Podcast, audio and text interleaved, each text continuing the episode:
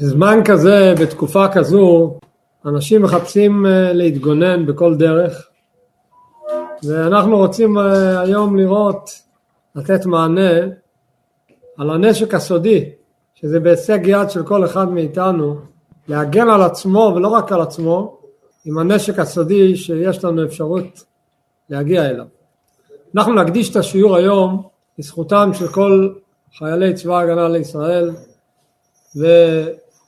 ולהשבתם הביתה של כל השבויים והחטופים ולרפואת עדן משיח בן לימור ומיכל בן סבטלנה שני החיילים שנפצעו כאן בצפון השבוע שהקדוש ברוך הוא ישלח להם בעזרת השם רפואה שלמה.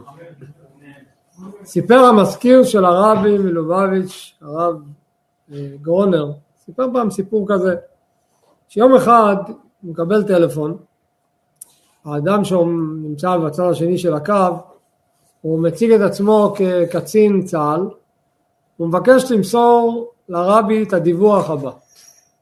רוצה לספר סיפור, מה הוא מספר? שבאחת ההזדמנויות, זה היה במלחמת uh, יום הכיפורים, אחת ההזדמנויות הם ראו, הם היו בעמדה הישראלית של היהודים, הם רואים שכל החיילים שנמצאים בעמדה המצרית שממול, פתאום מתחילים לברוח. אז המפקד של העמדה נתן הוראה מיד לרדוף אחריהם. השיגו אותם והחיילים לקחו אותם בשבי, את כולם. ראו בשבי שביניהם יש גם קצין בכיר בדרגת סגן אלוף. אז התחילו לחקור אותו ובחקירה שואלים אותו מה קרה? למה התחלתם לברוח פתאום? אז הוא מספר שהם מרחוק מסתכלים כל הזמן במשקפת על העמדה הישראלית.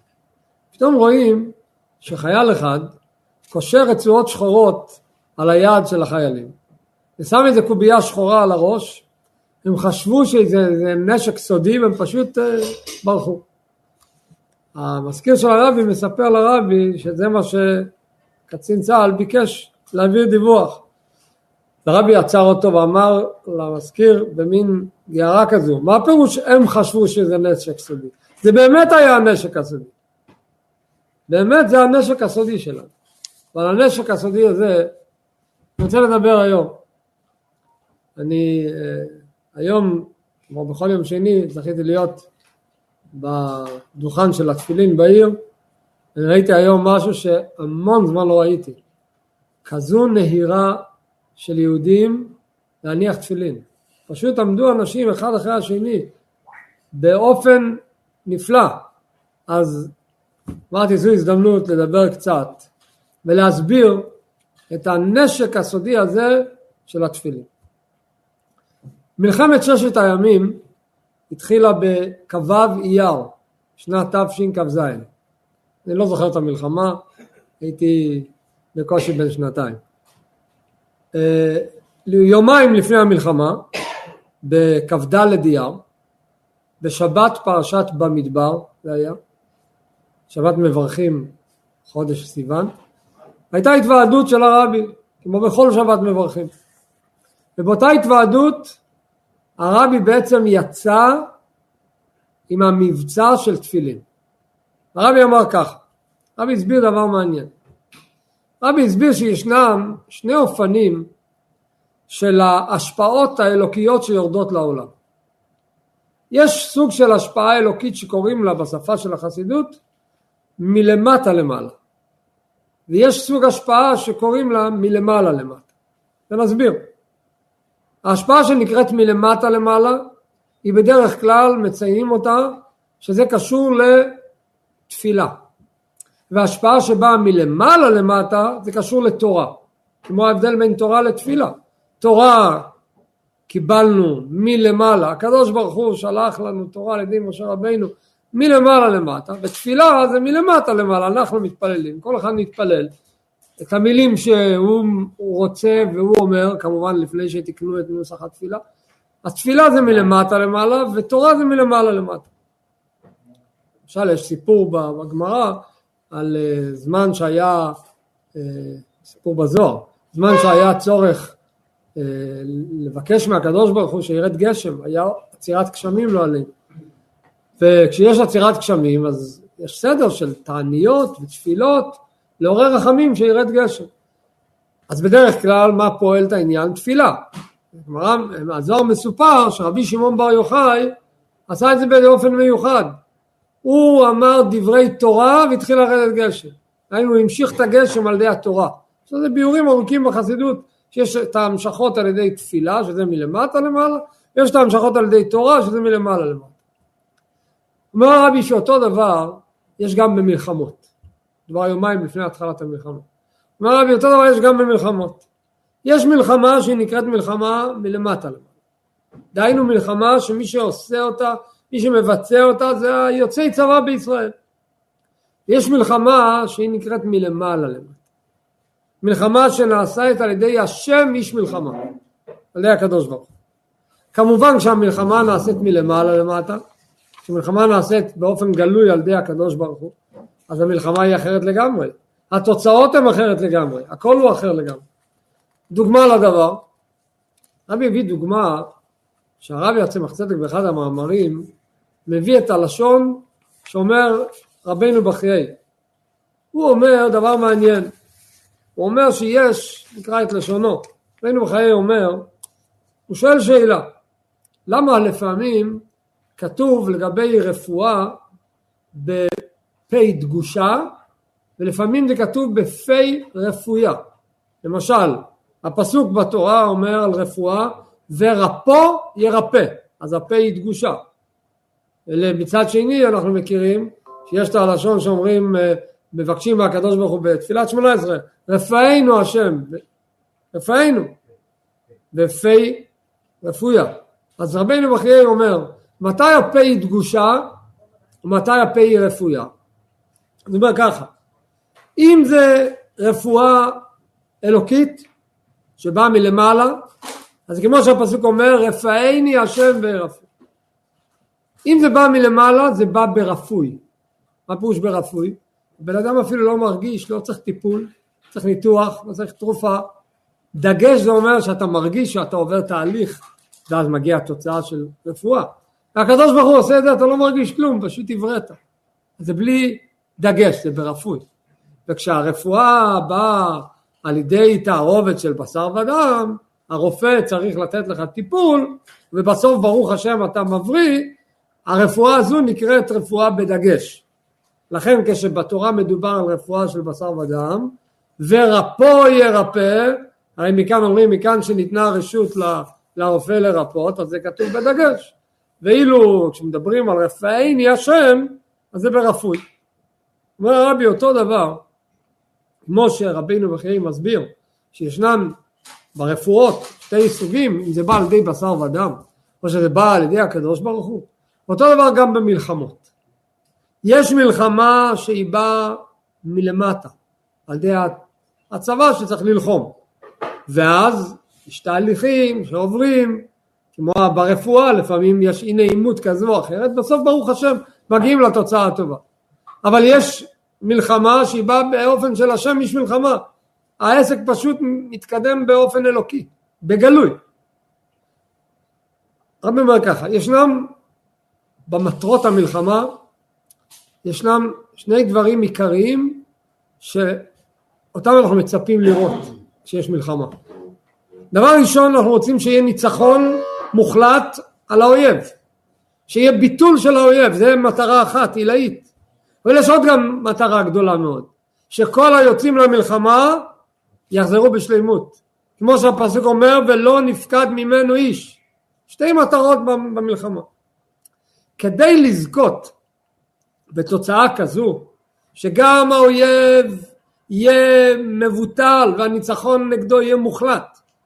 וכדי לזכות גם כן בכזה נס גדול שלא נפקד ממנו איש שכולם יהיו בריאים ושלמים אז כדי לזכות לכזו מלחמה, לכזו תוצאה צריך שהקדוש ברוך הוא יהיה מעורב בתהליך בגלוי. וכדי לזכות שהמלחמה תהיה באופן כזה שהקדוש ברוך הוא יהיה מעורב בה בגלוי, אז קודם כל צריך כמובן, כמו שהפסוק אומר, תכין ליבם, תקשיב אוזניך, צריך uh, להתקרב לקדוש ברוך הוא, לקיים תורה ומצוות, אבל אומר הרבי שיש מצווה ייחודית. כל המצוות צריך לקיים. ויש מצווה אחת ייחודית, והמצווה הזו יש לה סגולה מיוחדת למצווה הזו להביא את התוצאה הרצויה במלחמה. ומהי המצווה הייחודית? זה מצוות תפילין. למה מצוות תפילין היא מצווה ייחודית? אומר הרבי כי במצוות תפילין אנחנו מוצאים בחז"ל את שתי הנקודות שדיברנו, שתי הסגולות שדיברנו, גם העניין של הניצחון וגם העניין של כולם יחזרו בעזרת השם בשלום. איפה רואים בתפילין את שתי הנקודות הללו? הם אומר ככה, ביטוי אחד כתוב על תפילין, כל המניח תפילין מאריך ימים. ככה חז"ל אומרים. סגולה מיוחדת בתפילין שייתן חיים לאדם. אז הנה אנחנו רואים שהנחת התפילין יש לה סגולה שלא נפקד ממנו איש, יש לה סגולה שמביאה אה, אריכות ימים, שזה בעצם מה שאנחנו מצפים, שכולם יחזרו בריאים ושלמים. ועל תפילין כתוב עוד דבר, על, הפס, על תפילין כתוב וראו, כל, הפסוק אומר וראו כל עמי הארץ כי שם השם נקרא עליך ויראו ממך. אומרים חז"ל מה מהו הדבר שכולם רואים ומזה יש להם יראה, מזה יש להם פחד מהיהודים? אומרים חז"ל אילו תפילין שבראש. זאת אומרת שלתפילין יש את שתי הסגולות הללו. גם הסגולה להביא יראה ופחד על האויב ובמילא ניצחון מוחלט ומכריע וגם סגולה שיהיה אריכות ימים לכולם ולא נפקד ממנו איש.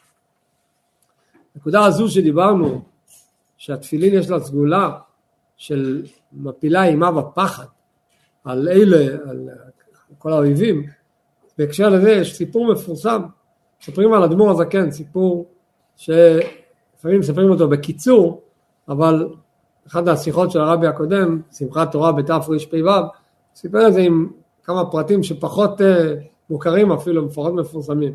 מה מספרים על אדמו"ר הזקן, כשהוא הגיע למאסר, הוא הגיע לכלא, הביאו אותו. אז הוא נכנס לחדר, ישבו שם כתבניות וכתבנים, ישבו ומקבלים את אלה שבאים ורושמים, חוקרים. האדמו"ר הזקן נכנס ככה מתואר בשיחה עם הטלית ותפילין מתחת ל... ל... ככה עם היד, החזיק טלית ותפילין, ככה הוא נכנס. טלית ותפילין מקופלים בתוך השקית. הוא נכנס, היה לבוש עם סרטוק ארוך, וטלין ותפילין ביד. והם ידעו שהבא בתור להיכנס אחד מהמורדים הגדולים במלוכה. ונכנס אדמו"ר הזקן, ככה. אז התפלאו, מה, הוא מורד במלוכה? לא, בכלל לא, לא נראה, לא ציפו לראות כזו דמות. אדמו"ר הזקן לא שם לב לאף אחד. חיפש איפה זה צד מזרח, שם את הטלית על הכתף, בדק את הציציות, התכתב בציצית, לקח תפילין, הוציא את התפילין מהשקית, הניח תפילין, אחרי שהוא סיים להניח תפילין של יד, שם תפילין של ראש, והתחיל לכוון את התפילין של ראש במקום הראוי, ונעמד מול אלה שישבו שם, בסיטואציה הזו. אומר האדמו"ר הקודם בסיפור, מי שישב לא הצליח לעמוד, ומי שעמד לא הצליח לזוז. דהיינו התקיים בהם, מה שחז"ל אומרים, וראו כל עמי הארץ, כי שם השם נקרא עליך ויראו ממך, אלו תפילין שבראש. אז בעצם התפילין שבראש יש להם סגולה עצומה לפעול על, ה, על האויבים פחד, שהם פשוט נופלים ונמסים. עכשיו בפועל הדבר הזה, סיפרנו כרגע סיפור מאדמו"ר הזקן, הסיפור הזה, מה אנחנו מבינים? שכדי שהאויבים יפלו לפניך אתה צריך להיות עם uh, תפילין על הראש. אבל במלחמה החיילים לא, לא רצים עם תפילין על הראש. ואנחנו הרי רוצים שיהיה, שתיפול עליהם עם התו הפחד. אז הרבי אומר באותה שיחה שהדבר והסגולה של התפילין זה לא רק בשעת מעשה כשאתה מניח תפילין. זה פועל גם אחר כך. אתה מניח תפילין וכל היממה שאתה נלחם ואתה נמצא אחר כך ושאתה נמצא זה פועל. הרבי מביא דוגמה. עם ישראל עבר את הים בקריאת ים סוף. כשעם ישראל עבר את הים היה נס של קריאת ים סוף. אז מה כתוב בפסוק שמה היה התגובה של, של כל אה, אלופי אדום? אנחנו אומרים את זה כל יום. נבהלו אלופי אדום נמוגו. זה היה בשעת מעשה. אבל עברו ארבעים שנה הגיעו המרגלים ששלח יהושע ליריחו, והגיעו לרחב, אחרי ארבעים שנה, אז היא אומרת אנחנו עוד זוכרים את, ה, את קריאת ים סוף, ועדיין נמוגו כל יושבי הארץ, היא אומרת להם. זאת אומרת שהפעולה האלוקית פועלת בשעת מעשה, היא פועלת גם אחר כך. במילא, אז כשהחייל הניח תפילין, אז גם בשעות ואחר כך זה פועל את העניין. יתרה מכך הרבי יוסיף דבר נפלא. הרבה פעמים החייל נמצא בשטח, נמצא במקומות שהוא רוצה להניח תפילין אבל לא יכול. קורה, לפעמים הוא לא יכול, הוא נמצא שעות על גבי שעות. הרבי אמר שם באותה שיחה דבר מעניין, שיש מצב שיהודי אחד יניח תפילין לזכות החייל ההוא, וזה יפעל עליו גם כן הגנה, מצד האחדות שיש בעם ישראל. עם ישראל הם מאוחדים, אם אתה מניח תפילין לזכותו, אז זה יפעל גם אצלו את מה שצריך לפעול, איזה עוצמה וכוח יש לכל אחד מאיתנו לפעול את העניין.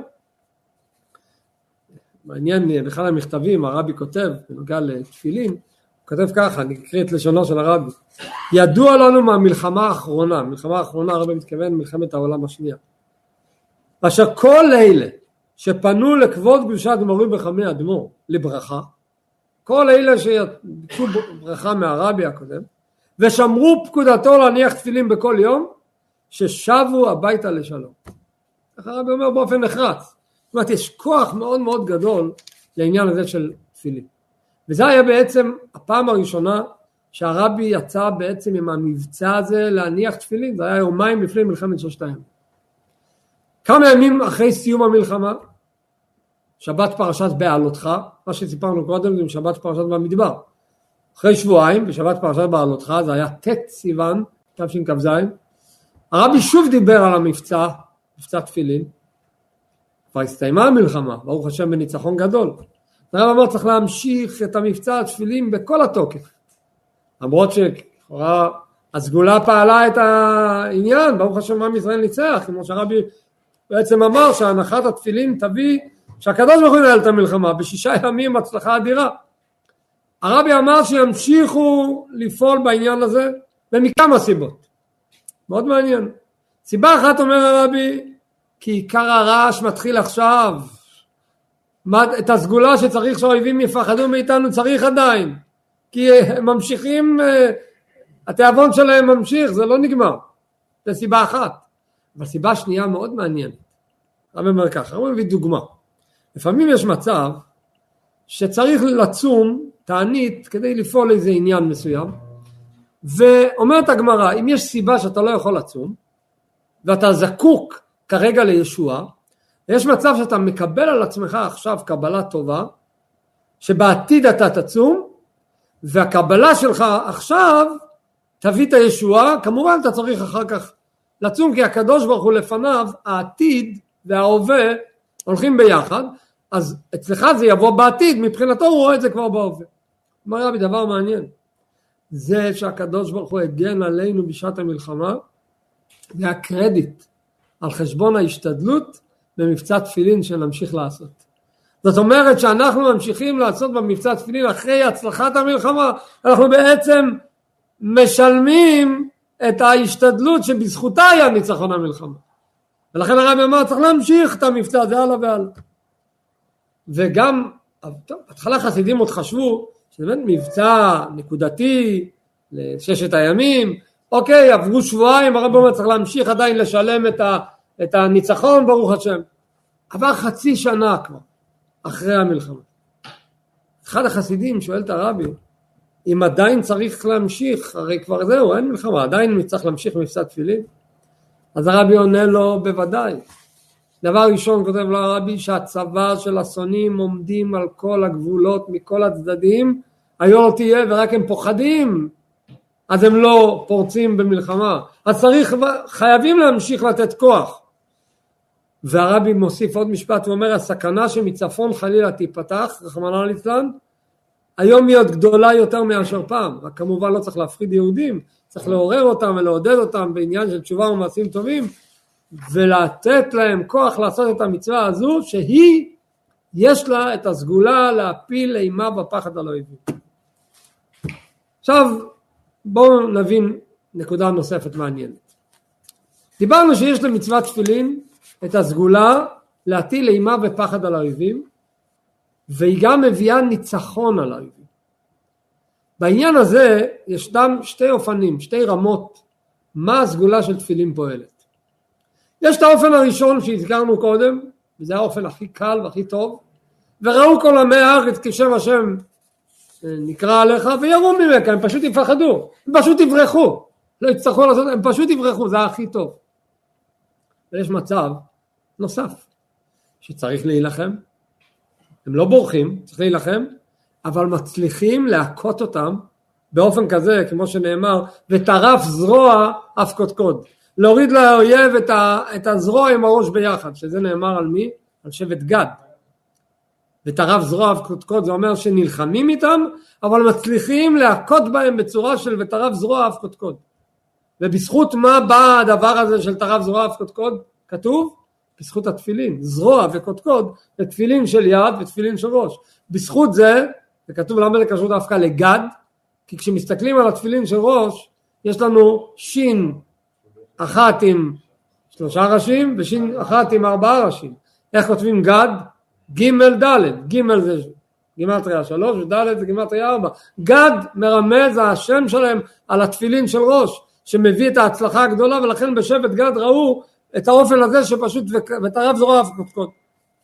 עכשיו נדבר קצת על שתי האופנים הללו. מה יותר טוב? מה יותר נעלה? שהאויב יברח או שהאויב יקבל וטרף זרוע אף קודקוד? יש מעלה בזה ויש מעלה בזה ונראה מה המעלה היותר גדולה. יש מעלה מצד אחד אנחנו אומרים מה, שיברח, שיעלם, שיתאדה כמו שאומרים מעלה אדירה. אבל המעלה הזו, מתי היא מחזיקה מעמד? כל עוד היראה עומדת על תדר גבוה. אבל חלילה יהיה איזושהי ירידה, הוא עלול לחזור. אבל אם נצליח ותרב זרוע אב קודקוד, אז הוא לא יחזור, גמרנו אותו. זאת אומרת, יש מעלה שזה בא באורות גדולים, מלמעלה, מה שנקרא מלמעלה למטה, ויש מעלה שזה בא מלמטה עם, עם, עם ניצחון של ותרב זרוע אף קודקוד. כתוב שבאופן כללי זה ההבדל אם עם ישראל היה נכנס לארץ ישראל על ידי משה רבינו או מה שקרה בפועל שעם ישראל נכנס לארץ ישראל על ידי יהושע בן אם היו נכנסים לארץ ישראל ידי משה רבינו אז מה היה קורה? זה היה בדרך ניסית. לא היה צריך במלחמות בכלל. הם פשוט היו נעלמים. על זה נאמר אלו תפילין שבראש וירו ממכה ויברחו. אבל כשנכנסנו לארץ על ידי יהושע הרי כתוב פני משה כפני חמה פני יהושע כפני לבנה באנו לארץ על ידי יהושע אז גם היו ניסים אדירים וברוך השם אה, הצליח עם ישראל להכניע את האויבים ולהבריח אותם אבל היה צריך להילחם היו ניסים במלחמה אבל היה צריך להילחם זאת אומרת בגלל שנכנסנו על ידי יהושע היה צריך גם תפילין של יד וגם תפילין של ראש, וטרף זרוע אף קודקוד. ואילו היינו נכנסים על ידי משה, אז היה כאילו בכוח התפילין של ראש, הם היו מתבטלים. הרבי באחד השיחות אומר, זה מדויק מאוד. על מצוות תפילין כתוב בתורה הרי ארבע פעמים, זה ארבע פרשיות שיש לנו. יש מצוות תפילין כפי שזה כתוב בספר שמות, ויש את מצוות תפילין כפי שזה כתוב בספר דברים. כשזה כתוב בספר שמות, זה עדיין כתוב לפי התוכנית שמשה יכניס אותם לארץ. כשכתוב בספר דברים, זה גם פרשת ויתחנן, כתוב תפילין, אחר כך פרשת עקב כתוב תפילין, זה כבר אחרי שמשה רבינו מתחנן, הוא כבר מתפלל, כבר אה, יודעים ש... שיהושע יכניס אותם לארץ. רואים הבדל מעניין.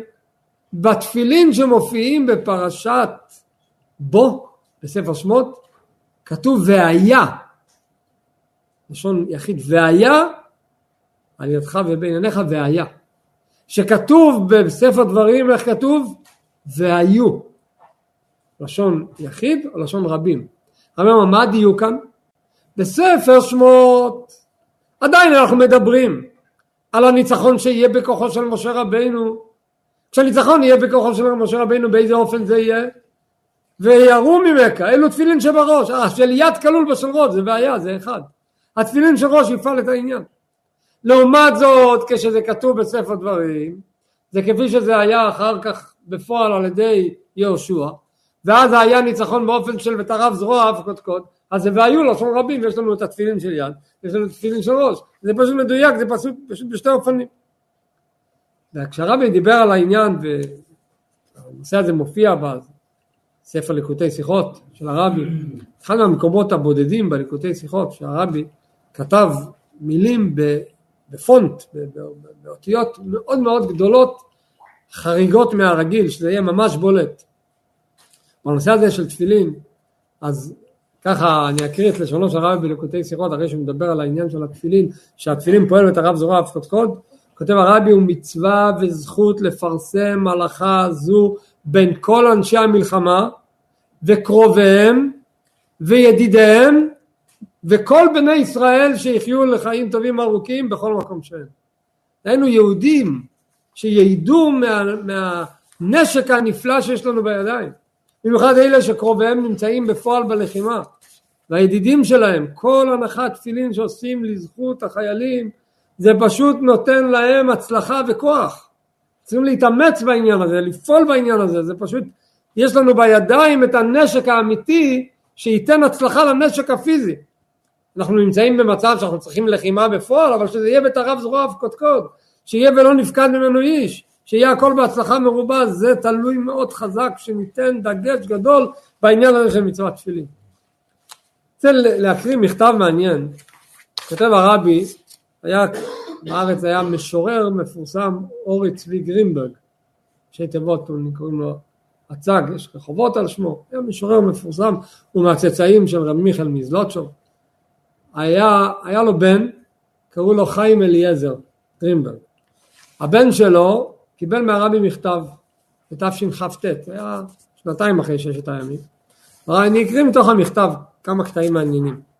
הרבי פותח את המכתב וכותב לו, אף על פי שאיני מכירך אישית, אני לוקח רשות לכתוב לך על יסוד ההיכרות שלי עם אביך ואימך. במיוחד שמסרו לי שאתה הולך לצבא ההגנה לישראל. אז קודם כל אני מאחל לך שתיכנס לשלום ותחזור לשלום. ושהשירות בצה"ל יהיה בהצלחה ובשלום. אחר כך רבי אומר, אם אני כבר כותב לך, אני מרשה לעצמי להוסיף נקודה מאוד חשובה שקשורה בנושא. בוודאי שמעת, כותב לו הרבי, זה שנתיים אחרי מבצע תפילין, תשכ"ט, שנתיים אחרי ששת הימים. הרבי כותב לו, בוודאי שמעת על הפנייה שלי בעניין הזה של מצוות תפילין, במיוחד זה קשור ליהודים שגרים בארץ, במיוחד זה קשור לחיילים של צה"ל, לשומרי הגבולות, זה קשור אליהם במיוחד. כי יש סגולה מיוחדת במצוות תפילין שהיא מטילה אימה והיא מתישה את הכוח של האויבים שלנו. וכשהמצב מידרדר חלילה, שמגיעים למלחמה בפועל, מצוות תפילין יש לה כוח להביא ניצחון מוחלט לצבאות ישראל, ככה רבי כותב. הרבי מוסיף לו משפט, הוא אומר כך, יש כאלה ששואלים, מה הקשר? מה השייכות בין הנחת תפילין בבוקר למה שיקרה בחזית כל היום. מה הקשר? הרבי עונה לו, אני אענה לך תשובה שעונים לחייל בצבא. החייל בצבא, כל ההצלחה שלו מושתת על מה? קבלת עול. לעשות, לקיים ולציית להוראות. אתה לא צריך להבין בעת שנותנים לך הוראות מה בדיוק הסיבה. כרגע אומרים לך תבצע, אחרי זה תבוא תשאל, יסבירו לך, לא יסבירו לך, אבל בזמן שאתה נלחם אתה צריך להיות מבצע פקודות בלי לסטות ימינה ושמאלה. אותו דבר אומר לרבי ככה, קודם כל גם אם אתה לא מבין את הקשר, יהודי צריך לקיים דברים בקבלת טוב. ובעניינים של פיקוח נפש, עושים גם דבר שהוא בספק ספיקה גם עושים. אז גם אם יש לך ספק, אולי כן, אולי לא, בפיקוח נפש הולכים גם על הספק. ואתה ספציפית אומר לו הרבי, ההנהגה שלך תשפיע גם על כל הסביבה. אז יש לך אחריות גדולה, כי אתה, אתה, אתה, אתה מוכר, יש לך השפעה על סביבה. אם אתה תיקח על עצמך את הנחת תפילין, יהיה לך השפעה גם על האחרים. יש לך, הרבי הוא כותב לו באופן ברור, יש לך אפשרות יוצאת מן הכלל להוסיף בביטחון של עם ישראל בארץ ישראל ובעוצמה של צבא ההגנה לישראל. אתה רוצה להוסיף להם בעוצמה שלהם? פשוט תניח תפילין כל יום. מספרים על היה רמטכ"ל מפורסם, אבל אני רוצה לספר על התקופה לפני שהיה רמטכ"ל. קראו לו משה לוי, היה רמטכ"ל. אז לפני שהוא היה רמטכ"ל, הסיפור על. שהיה בשנת 86. הוא היה מפקד של חטיבת הבקעה. משה לוי היו, היה לו כינוי, אתם יודעים מה הכינוי שלו? מוישה וחצי, גבוה מאוד. מוישה וחצי, מוישה לוי. הוא היה מפקד של חטיבת הבקעה. ומה הם היו עסוקים אז, ב-86? כל הזמן היה מרדפים על המסתננים, חוליות המחבלים המסתננים שבאו מירדן, והם היו צריכים אה, לרדוף אחריהם. הוא מוישה לוי היה המח"ט והוא בעצמו אישית השתתף בהרבה מרדפים כאלה. ב-1970 הוא נפצע במהלך מרדף ואחרי זה הוא ברוך השם החלים והיה מפקד חטיבה וכו'. שמעתי סיפור מחסיד שהיום דיברתי איתו, עוד פעם לרענן את הסיפור. חסיד קר בבאר שבע היום, שיהיה בריא, קוראים לו קלמן דרוק.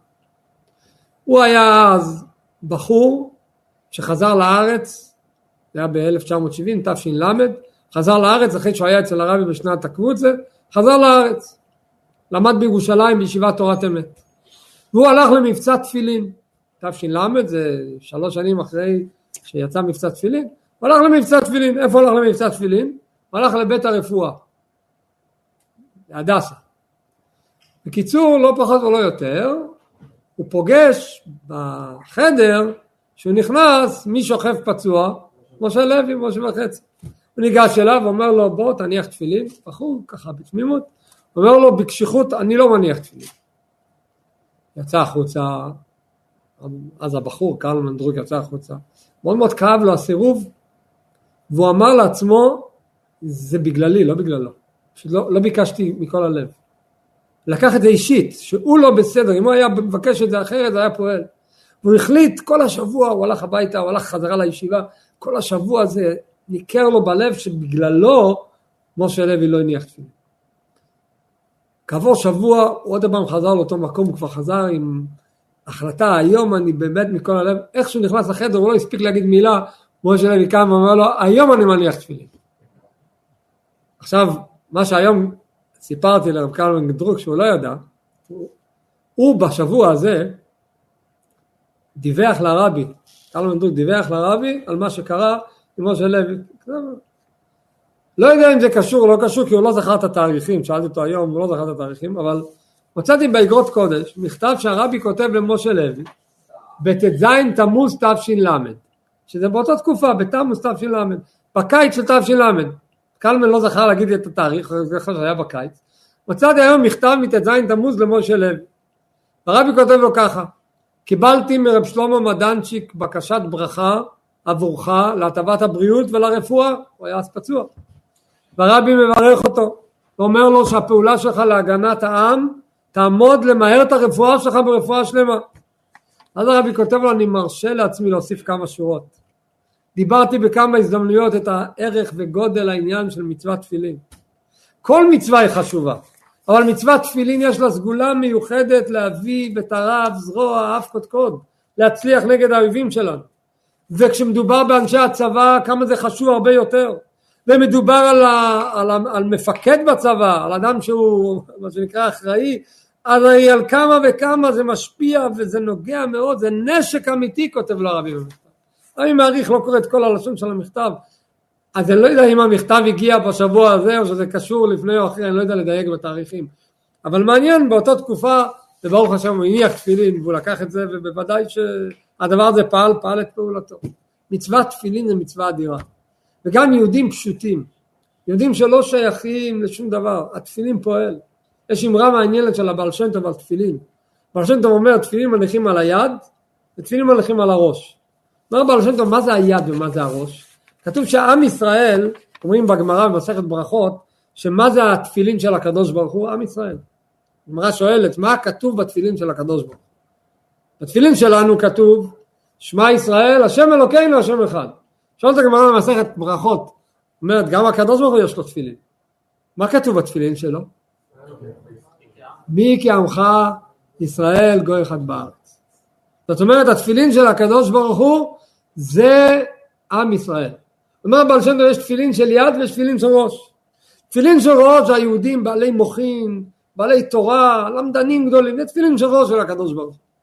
תפילין של יד של הקדוש ברוך הוא זה היהודים הפשוטים, יש להם מידות טובות, יהודים פשוטים. צריך את שניהם. אי אפשר להניח תפילין רק אחד, צריך את שניהם. אבל כשמברכים, על מה מברכים? מה מניחים קודם? היד. הקדוש ברוך הוא מה חביב לו ומה חשוב לו קודם? התפילין של יד. היהודים הפשוטים, יהודי פשוט הוא לא מבין את כל העומק ולא יודע את כל העניין אבל יהודי כשהוא היהודי הפשוט מניח תפילין הקדוש ברוך הוא אוהב את זה את זה הוא מקבל את זה הוא מחבב זה הדבר הכי יקר לו היה פעם במכתב שרבי כתב ראש שמניחים עליו תפילין חושב כמו יהודי לב שמניחים לידו תפילין מרגיש כמו לב יהודי ויד שמניחים עליה תפילין היא רחוקה ממעשים רעים, היא עושה מעשים טובים. זה משהו נפלא ביותר התפילין. ממשה לוי אחד למשה לוי נוסף, יש סיפור מעניין על עוד משה לוי, אבל לא אבל היה רבת משה לוי. ב-73 הוא נפצע בסיפור ידוע שהוא אה, פיקד על איזה אה, זחלם ו... הוא היה שם בציר אה, בודפסט ונקלעו שם לאיזה, ראו מולם את כל הטנקים המצרים, הם היו מאוד מאוד בלחץ ב, בתוך ה... כל החבר'ה, היו 90 כמה חיילים הוא אומר, היו מאוד בלחץ. היה חייל אחד, קראו לו זנדני, וזנדני הוא התחיל לעורר את כל הקבוצה ואמר להם, הוציא ספר תהילים, אמר להם זה התהילים, הוא יצליח לה, להביס את כל הטנקים. החבר'ה ככה, רובם לא דתיים, לא שומעים מצוות, אבל הוא הקרין עליהם כזו אמונה וכזו, כזה תוקף, אז הוא התחיל לפתח את התהילים, התחיל לומר פסוקי תהילים, והוא סיים, כולם אמרו אמן, אמן. הם לא ידעו מתי אומרים אמן, מתי לא אומרים אמן, אבל יהודי קורא תהילים כל הלב, כולם עונים אמן, הוא סגר את התהילים, ואז לא ייכנס לכל פרטי הדברים, ברוך השם, הם התקדמו, היה בדרך אה, מאוד מסוכן, שרקו טילים מעל הראש שלהם, פחדו להוציא את הראש אפילו כדי לירות נגדם, והוא, אה, משה לוי, רק הרים את היד כדי, הרים את יד ימין כדי אה, להפעיל נשק, באותו שנייה עבר טיל והוריד לו את היד. והוא היה כולו זוב דם ופצור, מתאר בסיפור שהוא מספר את כל ה... אבל הוא היה מפקד, הוא לא נפל, הוא במסירות נפש החליט שהוא נלחם.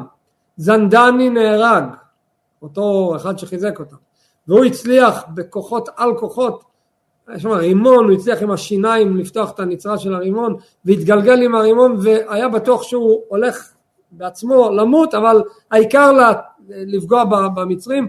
בסופו של דבר הוא נפצע הצליח לפגוע בהם והוא נשאר חי. וברוך השם החלים. אבל הציק לו מאוד מאוד כל הזמן. איך זה יכול להיות שזנדני, שכל כך חיזק אותם, מת? והוא, פרט חשוב שכחתי לומר, כשהוא היה בלחץ הזה, עוד לפני שהוא הרים את היד, הוא אמר אם הקדוש ברוך הוא מוציא אותי חי מפה, אני מתחיל להניח תפילין. והציק לו שהוא התחייב להניח תפילין והקדוש ברוך הוא הוריד לו את היד. יד ימין שאיתה הוא יוכל להניח תפילין, הקדוש ברוך הוא הוריד לו את היד. וזה הציק לו, איך זה יכול להיות? הוא שאל רבנים שבאו לבקר אותו בבית הרפואה כשהוא שכב בעת ההחלמה שלו, שאל את כולם את השאלה אנשים לא ידעו מה לענות לי. בקיצור, הגיע לארה"ב, נסע כדי לעשות פרוטזה ביד, ואז יוסי צ'חנובר אה, סידר לו יחידות אצל הרבי. בהתחלה הוא לא הבין בדיוק למי הוא מגיע, אבל הוא הגיע לרבי, הרבי מאוד קירב אותו.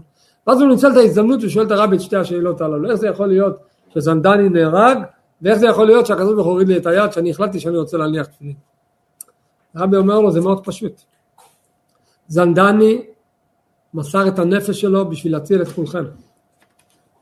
זנדאי היה לו שליחות אלוקית לחזק אתכם, הוא סיים את השליחות שלו, הוא החזיר את נשמתו לבורא, והוא בזכות זה שהוא נהרג, הוא מסר את הנפש ובזכות זה אתם ניצלתם. אתה קיבלת על עצמך להניח תפילין, התחברת לקדוש ברוך הוא. הקדוש ברוך הוא מראה לך שהדרך להתחבר אליו, הוא יבחר איך אתה תתחבר אליו. אם אתה תאכל את זה עם תפילין, אז עם ברור, עם הנחת תפילין. כשאתה לא תאכל את זה עם תפילין, אז זה יהיה אם ואהבת את השם אלוקיך בכל לבבך. הקדוש ברוך הוא בוחר את הדרך, איך אתה תתחבר אליו. והוא קיבל את התשובה, הוא מאוד מאוד, מאוד נרגע מה, מההסבר שהרבי נתן. הכוח של התפילין, בכל דרך, בכל צורה, לפעול על יהודים להניח תפילין. ולהתגבר על הבושה הזו שלפעמים תופסת אותנו, מה, נתפוס יהודי ברחוב, מבקש ממנו להניח תפילין, כן, אתה תראה שזה יעשה לך טוב, ואתה תגרום לכך שהוא יניח תפילין ואתה אין לך סיפוק יותר גדול. מספרים על המשפיע רמן אל פוטפס, שהוא יצא בעצמו, גם בגיל מופלג, יצא כל יום שישי להניח תפילין ב... עם יהודים. אז הוא נפגש פעם עם יהודי שהדבר דיבר רק אנגלית. איך תסביר לו מה זה תפילין, מה... רמל ידע מילים בודדות באנגלית. מה הוא אומר לו?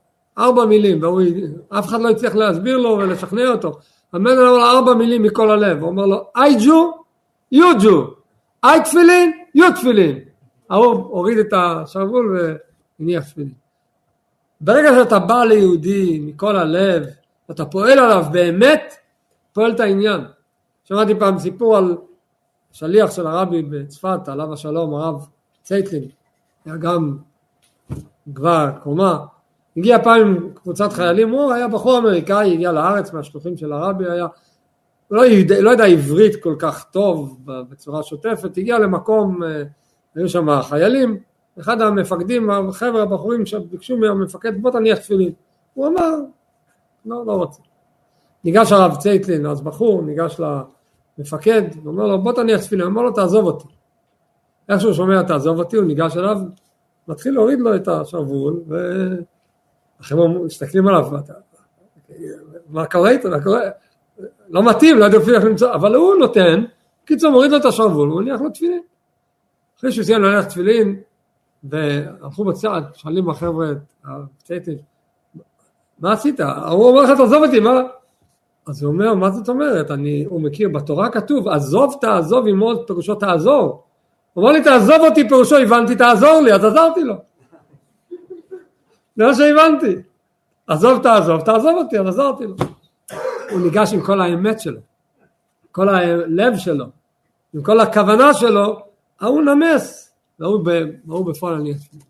היה בעיה חשוב הנחת תפילין בצורה מאוד מאוד חזקה אצל כל אחד. אני אסיים בסיפור אחד מעניין. סיפר איש עסקים שבשנת 75 הוא נסע פעם לדטרויט לפגישה עסקית. הגיע לשם ביום שלישי, בערב היה אמור לו להיות איזו פגישה עסקית והזמינו שם לפגישה עוד כמה משפחות בעניין מסוים שהיה קשור לאיזה עסק. אחד הנוכחים כל הזמן, הוא היה איש עסקים, חב"דניק, נראה כמו חב"דניק, אחד האנשים שם כל הזמן שואל אותו שאלות על תפילין, למה תפילין שחורות, למה זה, מפעם לפעם זה לא קשור ל... בסוף ככה הוא ניגש אליו ואומר לו, אני רואה שאתה כל הזמן, יש לך עניין מיוחד עם התפילין, למה שאלת את כל השאלות על התפילין? אז הוא עונה לו, אני כבר יותר מ-20 שנה לא הנחתי תפילין. אז הוא אומר, אז אומר עניתי לו, אבל אה, היית צריך. אז הוא אומר, תשמע, כל אחד פה מתפזר מהמסיבה וכל אחד הולך לישון. אני בשש וחצי בבוקר כבר נמצא במאפייה, בעבודה. ואני נמצא במאפייה קודם, אבל בשש וחצי בבוקר במאפייה יש לי הפסקה קטנה. קטנה. אם בשעה הזו יבוא מישהו ויניח לי תפילין, אז אני אניח תפילין.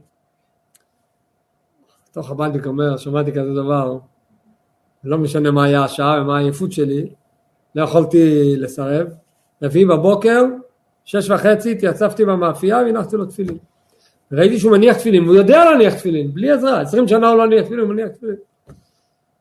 ואז הוא אומר, אני רואה שאתה מניח טוב תפילין, ההוא אומר, אם היה לי תפילין הייתי מניח, כל יום.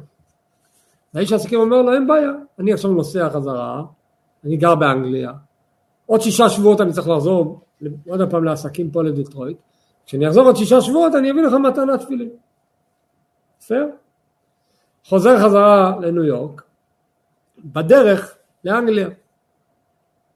זה היה ביום חמישי בבוקר, יום רביעי הוא הניח תפילין, יום חמישי בבוקר, הוא בא לה, להתפלל תפילת שחרית, אה, כשהרבי מגיע, הרבי נכנס רק לקריאת התורה ויוצא חזרה, אחרי שהרבי חזר לחדרו, הוא הכניס פתק לרבי ודיווח.